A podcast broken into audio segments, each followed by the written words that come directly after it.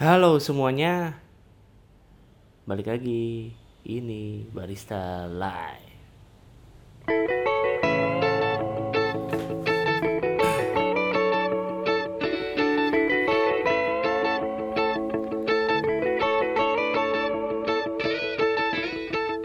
WhatsApp, apa kabar nih? Semoga sehat-sehat selalu ya. Eh, balik lagi sama gua Paulus ya. Sekarang kita masuk ke episode edukasi yang episode ketiga itu tentang pasca panen. Jadi setelah panen itu harusnya diapain sih kopinya? Nah, ini bakal gue jelasin di sini. Sebelum ke sana, gue mau kasih info dulu nih. Eh bulan Januari nanti 2018 eh 2019 sorry Januari tahun depan ya bentar lagi lah ya eh, udah mulai Indonesian Coffee Event. Jadi mungkin bagi kalian yang udah ikutan Indonesia Barista Championship Indonesia Latte Championship atau Indonesia Brewers Championship yang wilayah barat itu dimulai nanti Januari. Jadi buat kalian yang ikut semangat aja ya. Oke. Nah kemarin gue sempet eh apa ya wawancara yang ngobrol-ngobrol lah sama bincang roster sih harusnya kemarin tuh. Padahal gue udah ngelakuin udah udah ngomong panjang lebar ternyata suaranya aduh mengecewakan. Jadi kayaknya kurang bagus ya kalau didengar. Jadi gue nggak upload dulu ya. Nanti mungkin harusnya sih ada bincang roster sih. Kemarin padahal udah dapat banget bagus bah- materinya gitu ya. Cuman aduh sayang sekali. Ya udahlah. Oke. ini kayak PR gua, gua kayak gua harus emang harus ngerjain podcast ini yang pasca panen ini biar nyambung semuanya gitu ya, biar kalian nggak haheho gitu ya nanti. Oke, sekarang gua ini mau bahas tentang pasca panen. Mungkin eh, beberapa dari kalian eh, ada yang tahu buah kopi seperti apa, ada yang enggak mungkin ya. Kalau aslinya itu buah kopi itu kayak buah cherry. Cherrynya eh, kayak tomato cherry deh, biar ini warna merah gitu. Nah, itu buah kopi ya. Jadi kopi itu buah. Oke. Yang kita minum adalah bijinya ya. Nah, gue mau jelasin dulu nih, tanaman kopi itu udah mulai berbuah ya. Itu pada umur 2 dua setengah sampai 3 tahun untuk robusta dan 3 sampai 4 tahun untuk arabica. Itu jadi beda ya udah dengerin podcast gue belum ya anak tiri? Pasti tahu lah ya robusta dan arabica itu apaan. Yo udah makin pinter lah harusnya. Sih nah buah kopi pertama itu biasanya sedikit dia. Dia itu nggak nggak langsung bruk banyak gitu.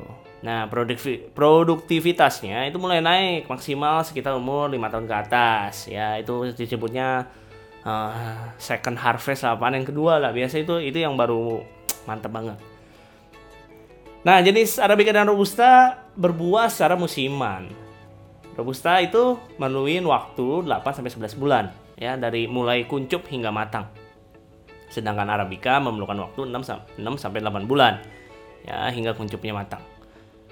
Nah, jenis lain seperti Liberica, ayo apa anu Liberica? Tahu ya pasti ya. Kalau yang udah dengerin pasti tahu. Itu berbuahnya sepanjang tahun. Dia lebih menghasilkan lebih lebih banyak lah. Nah, untuk tingkat kematangan kopi sendiri itu nggak secara serentak langsung merah-merah semua gitu ya. Belum mateng, belum mateng semua, masih hijau, masih hijau semua. Oke. Jadi yang udah mateng itu yang warna merah guys ya. Jadi eh yang masih warna hijau itu masih masih muda banget lah. Sama aja lah kayak inilah, kayak tomat lah. Kita kan ngelihat tomat itu dari hijau, kuning sampai merah ya. Nah, itu hampir sama dengan buah kopi ya. Terus, kok gue lupa ya? Oke, eh proses panennya itu memerlukan waktu yang lama sebenarnya ya, pemanenannya itu. Karena buah kematangan buah kopi itu tidak serentak. Musim panen di Indonesia itu biasanya dimulai dari bulan Mei atau Juni lah kayaknya. Hmm, dan berakhir sekitar Agustus atau September.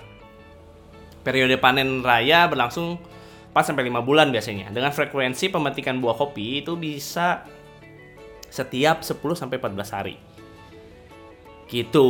Itu sekilas saja tentang tanaman kopi yang harus kalian tahu. Apalagi barista-barista ya. Ternyata lama juga ya. Dua setengah sampai tiga tahun. Nah, untuk robusta 3 sampai 4 tahun untuk arabica. Lama. Nih bagi siapa aja yang pengusaha mungkin ada tanah kosong mau mau mulai ke panen kopi ya harus bersabar lah. Ya, itu dan banyak harus dilihat. Gua nggak akan ke sana sih nanti nggak akan ngomongin tentang cara penanaman itu nantilah ya ada bincang tani selanjutnya. Oh ya kemarin udah dengerin belum? Uh, bincang tani kemarin sama Pak Triyono itu best lah ya kalau kalian dengerin banyak prestasinya oke okay.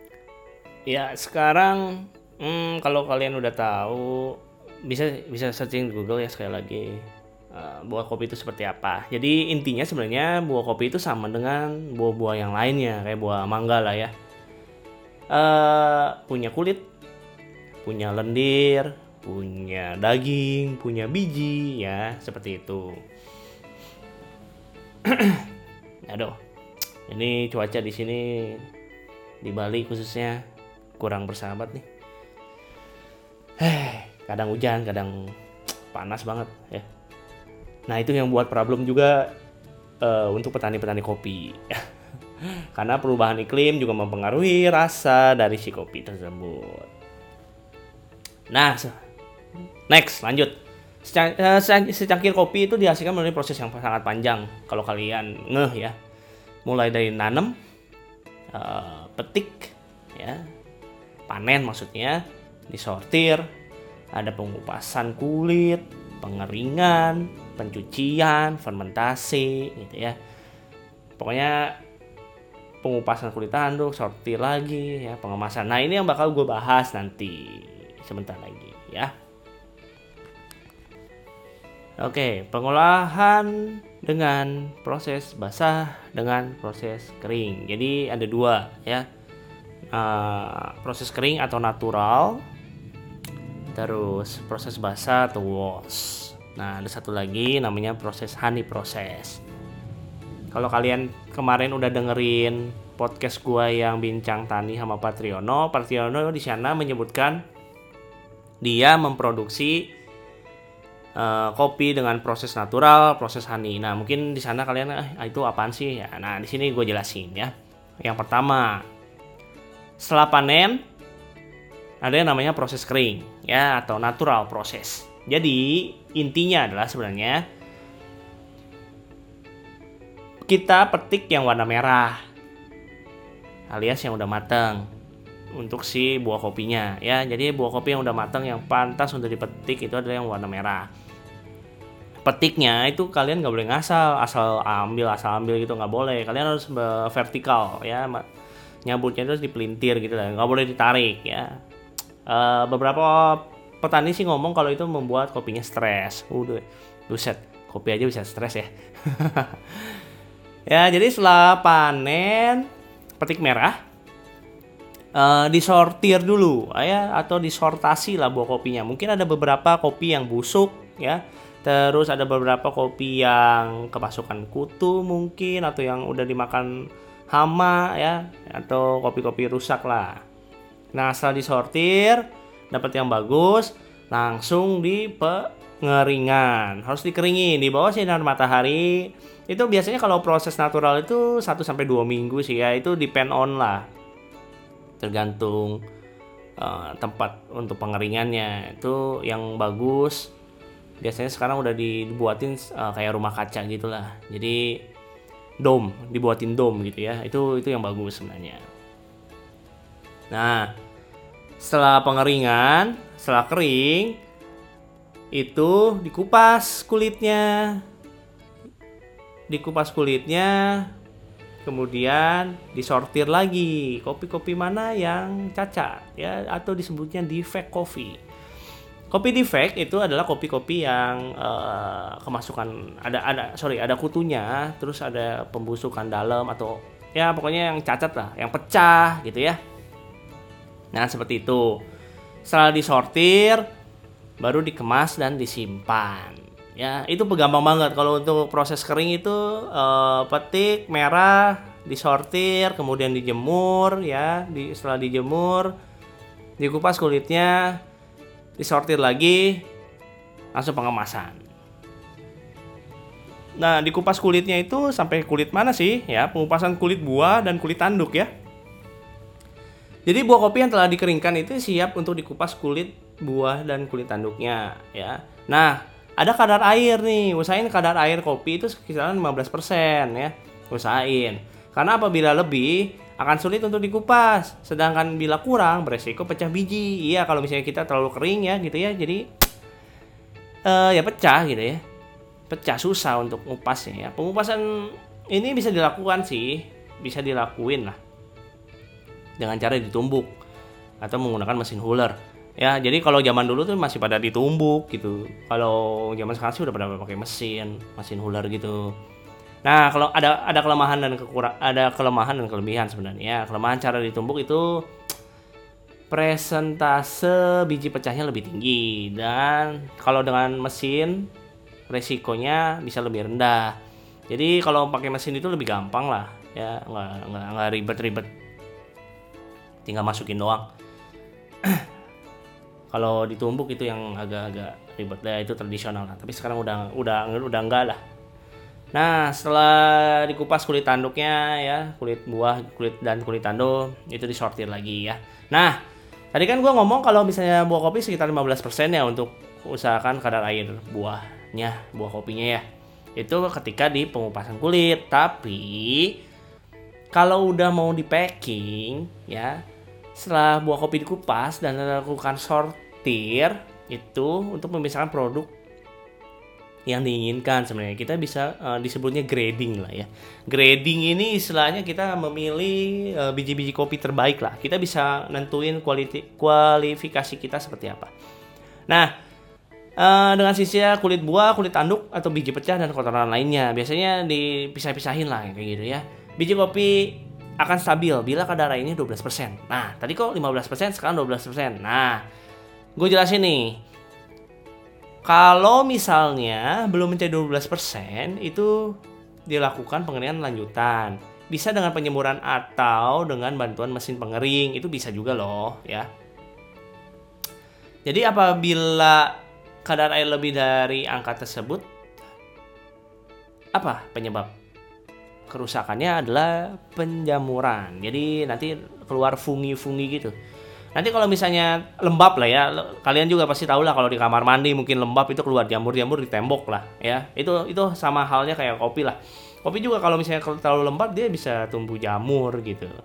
Nah, nanti itu yang ngubah aroma dan rasa kopi. Nanti pas di pas kita cicip kopinya setelah di roasting ya itu bakalan kayak ih kok apok ya. Nah, itu bisa karena penyimpanannya. Itu penting juga ya. Makanya harus 12 sampai 13% lah ya nanti sebelum pengemasan setelah itu dikemas ya usahakan kalau pengemasan itu karungnya harus bersih dan dijauhkan dari debu-debuan ya tumpuk karung-karungnya itu di atas palet kayu setebal 10 cm biar ada jarak antara mm, dinding sama gudang uh, dinding gundal ya sama lantai biar dia nggak lembab gitu ya ternyata ribet juga loh penyimpanannya. Jadi penyimpanan di gudangnya juga harus dikontrol kelembabannya. Jadi 70% lah HR, uh, ah, sorry RH-nya, RH-nya ya. Itu harus dihitung kelembabannya. Biar ya nggak harus nggak harus terserang hama sama penyakit sih kalau kalian uh, nyimpennya benar gitu ya. Itu dan bisa bertahun-tahun ya. Jamur itu pasti nggak ada. Kalau misalnya penyimpanan kalian benar. Oke, uh, itu sekilas saja tentang natural proses atau proses kering. Gampang banget lah, itu petik, jemur, kupas kulit, simpan. Ya, tapi ada beberapa hal yang tadi gue jelasin. Oke. Uh, sekarang proses basah atau wash ya. Sebenarnya wash ini banyak banget ininya prosesnya, bukan banyak banget ya. Jadi ada beberapa versi, tiap daerah memiliki proses masing-masing ya jadi kayak wash ini ada yang full wash ada yang semi wash ya nih sekarang gue jelasin yang wash atau proses basah yang full wash dulu deh full wash panen petik merah kemudian disortir ya kemudian disortir itu biasanya sortirnya itu menggunakan air sebenarnya jadi buah yang merah itu dimasukin ke bejana air gitu ya. Nanti nanti ada beberapa kopi cherry yang mengambang. Biasanya kopi cherry yang mengambang itu yang kualitasnya jelek. Nah, itu biasa disingkirin. Bukan berarti dibuang ya. Itu bisa dijual lagi sebenarnya. ya untuk untuk kualitas yang jelek lah ya. Untuk kuali, uh, kopi murah. Nah, sedangkan yang tenggelam itu uh, dilakukan pengupasan kulit ya. Dikupas kulitnya kemudian difermentasi. Nah yang di full wash ini biasanya fermentasinya adalah direndam di air selama kurang lebih 36 jam lah fermentasi ya. Setelah difermentasi kemudian dicuci kemudian dikeringin. Kemudian kulit tanduknya dan kulit airnya dikupas kayak tadi kemudian disortir lagi ya yang di efek atau yang mana yang kemasukan kutu atau yang jelek nah jadi sortirnya itu ada dua kali loh guys ya jadi ribet sih ya itu menentukan kualitas nanti ya setelah itu di pengemasan. Nah, gue mau ngejelasin yang tentang fermentasinya. Kalau ngelakuin fermentasi terhadap biji yang telah dikupas, jadi jangan biji yang belum dikupas ya dalam artian udah belum dikupas di kulitnya gitu ya itu harus dikupas dulu baru melakukan fermentasi itu ada dua cara yang pertama yang tadi kata gue bilang itu direndam di dalam air bersih yang kedua itu menumpuk biji basah dalam bak semen atau bak kayu. Kemudian di atasnya ditutup dengan karung goni yang harus selalu dibasahi. Nah, itu ada dua versi ya guys. Jadi kalian harus lihat yang direndam di air atau yang ditumpuk biji basah ya di atas bak kayu. Terus di atasnya ditutup karung goni, tapi karung goninya basah. Jadi buat kelembaban gitu deh. Nah, lama proses fermentasi, sorry, gue belepotan, terlalu semangat. Oke, lama proses fermentasi pada lingkungan tropis itu sekitar antara 12 sampai 36 jam. Ya, yang kata kata gue bilang dia rendamnya sekitar segitu. Nah, proses fermentasi itu bisa diamati dari lapisan lendir yang menyelimuti bijinya. Jadi kalian bisa lihat sih uh, lendirnya ya. Apabila lapisan sudah hilang, proses fermentasi, proses fermentasi bisa dikatakan selesai. Jadi ngelihat lendirnya oh udah mulai ngilang nih ya. Berarti fermentasinya sudah bisa dikatakan selesai. Jangan lupa setelah difermentasi itu dicuci kembali dengan air ya. Bersihkan semua lendir dan kulit buah yang masih nempel di biji. Nah, kemudian melakukan proses pengeringan. Yang tadi gue bilang pengeringan ini setelah fermentasi langsung dikeringin kan.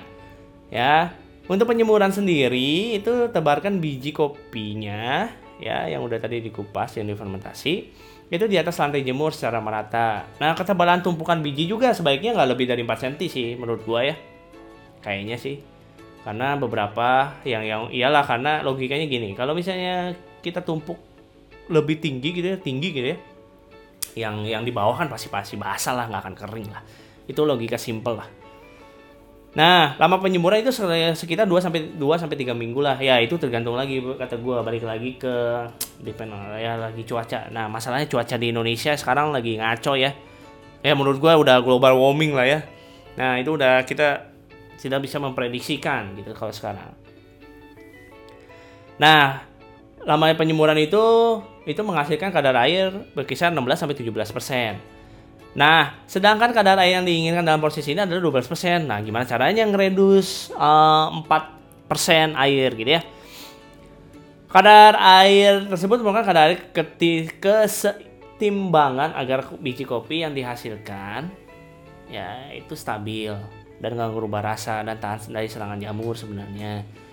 Untuk mendapatkan kadar yang sesuai ya kayak tadi gue bilang kita harus ngejemur lanjutan. Entah itu pakai pengering ya atau dijemur lagi gitu ya. Cuman ya agak lama dan Iya sih agak lama gitu. Yang sudah direndam dan difermentasi dalam air itu agak lama gitu ya. Karena ya be becek ya basah lah gitu ya dijemur lagi gitu Nah, pengeringan lanjutan itu biasanya dibantu pakai mesin pengering sih kebanyakan. Hingga kadar airnya mencapai 12% lah. Ya, lebih hemat tenaga dan waktu. Oke, kemudian setelah 12%, kemudian kupas kulit tanduknya yang menyeliputi biji. Kulit tanduk itu kalau kalian tahu adalah kalau misalnya orang-orang petani kita nyebutnya gabah ya. Jadi masih ada kulit arinya. Ya. Nah, itu misalnya menggunakan huler. Ya. Dianjurkan menggunakan mesin karena kalau ditumbuk ya tangan kita juga capek, coy. yang kita juga capek jadi dan itu juga kerusakan biji yang tadi gue bilang ya jadi enaknya pakai mesin nah setelah dilepas kulit arinya atau kulit tanduknya jadilah yang disebut green bean ya. Nah setelah green bean baru disortir lagi ya ada kotoran atau biji pecah nah itu uh, simpelnya proses setelah panen. Ada proses kering, ada proses basah. Nah, satu lagi proses honey proses ya. Mungkin uh, bagi kalian pasti udah familiar dengan nama-nama proses-proses itu bagi peminum kopi sih ya. Gue yakin ini yang dengerin podcast gue pasti peminum kopi sih. Sotoy. Ya. Terakhir ini adalah honey proses. Ya, jadi kalau honey proses ini hampir sama sebenarnya kayak uh, natural ya. Bedanya adalah kalau nanti kan kalau yang natural atau yang kering itu kan setelah panen disortir kemudian langsung melakukan pengeringan kan tanpa dikupas. Nah, bedanya adalah kalau yang honey ini, yang honey ini itu harus dikupas dulu kulitnya. Kulit buahnya ya harus dikupas dulu. Nah, yang dijemur adalah buah dan bijinya. Nah, ini disebutnya proses honey. Kenapa disebutnya honey? Bukan ditaburin sama madu ya. Honey from bee bukan ya. Jadi jadi ma bukan madu ya sekali lagi ingat gue dulu pertama kali ngedengar honey proses ya wah kayaknya dijemurnya pakai madu nih ya dulu gue gue kayak gitu akhirnya gue cari tahu nih ya ternyata bukan madu itu terlihat seperti madu jadi kalian tahu kan lendirnya ya? Lendirnya itu kalau dijemur itu nanti mereka bakal lengket-lengket. Nah itu yang mungkin orang-orang sebutnya uh, honey proses itu itu. Jadi ada kayak terlihat seperti madu lah. Nah honey proses itu dibagi tiga penjemuran ada yang penyemuran 8 hari ya. Uh, itu disebutnya yellow honey, ada penyemuran 12 hari itu disebutnya red honey, ada penyemuran selama satu bulan atau 30 hari itu disebutnya black honey. Nah, kira-kira menurut kalian nih, mana yang paling mahal harganya? Ya, tentu saja yang black honey ya, memerlukan waktu satu bulan. Dan black honey pun itu tidak, uh, sorry, black honey pun itu sangat uh, rentan terhadap pembusukan. Yalah kebayang aja selama satu bulan dijemur itu ya pasti bakteri atau segala macam itu berkembang biak dan ada pembusukan lah. Jadi contohnya mungkin kalau uh, gue jemur satu ton mau pakai black honey paling yang jadi cuma 600-700 kiloan lah. Sisanya itu rusak kebanyakan seperti itu. Makanya kebanyakan uh, jarang kali petani ya yang untuk melakukan proses black honey ini. Kebanyakan itu yellow sama red honey. Nah, dari segi harga, hmm, kalian ya pasti udah tahu lah ya mana yang paling mahal. Yang paling mahal itu uh, bukan paling mahal sih, maksudnya yang kalau dibandingkan dengan tiga proses ini yang paling mahal adalah natural sama honey. Yang baru yang terakhir adalah yang wash. Nah, kenapa bisa begitu? Iya, jelas. Karena kalau yang wash atau proses basah itu lebih cepat prosesnya. Kalau yang proses kering itu lebih lama. Ya, kuantinti gitulah. Apa penghasilannya? Apa? Uh, sorry. Produksinya itu bisa lebih cepat. Yang wash. Sedangkan yang natural itu lebih lama. Nah, gitu aja. Uh, penjelasan gue tentang pasca panen untuk di kopi. Gua harap semuanya jelas sih. Kalau yang belum jelas boleh tanya-tanya langsung ke DM di Instagram gua @paulusnugraha. Itu boleh kalian tanya apa pun lah. Ya, kita sharing-sharing bareng. Oke. Okay? Nah, uh, apa lagi ya? Udah sih, itu aja sih. Thank you banget yang udah dengerin. Uh, semoga aja jelas. Kalau kurang jelas, ya itu dia kalian bisa cari tahu sendiri sih sebenarnya ya gue cuma ngasih basicnya aja sebenarnya masih banyak lagi sih proses lain yang ditambah ini tambah itu tambah ini tambah itu ya cuma kalau gue jelasin sekarang di awal seperti ini waduh kalian kayaknya langsung aduh aduh apa nih apa nih dan bosan kali ya nah itu pasti gue nanti gue jelasin untuk yang update-update terbaru tentang kopi. Ya, gitu aja. uh, abis ini gue bakal ngeriak, asik ngeriak, kayak di YouTube. Gue bakal ngeriak tentang masalah-masalah yang terjadi di coffee shop ya. Uh, kemarin gue sempat dapat materi bagus sih tentang pekerjaan barista. Ya mungkin ini next nanti gue gua gua omongin. Sama kayak kemarin lah, kayak gue ngeriak tentang latte art lah. Nah seperti itulah. Jadi mungkin lebih, hmm, ya lebih inilah, lebih oke okay lah ini ya apa episode gue ya. oke, okay, tapi tetap ya episode edukasi tetap lanjut lah. Biar kalian pinter-pinter semua. Oke. Okay. Thank you banget yang udah dengerin. Jangan lupa uh, follow kalau kalian dengerinnya di Spotify ya. Kalian juga bisa dengerin di iTunes. Oke. Okay. Terima kasih. Salam kopi. Dadah.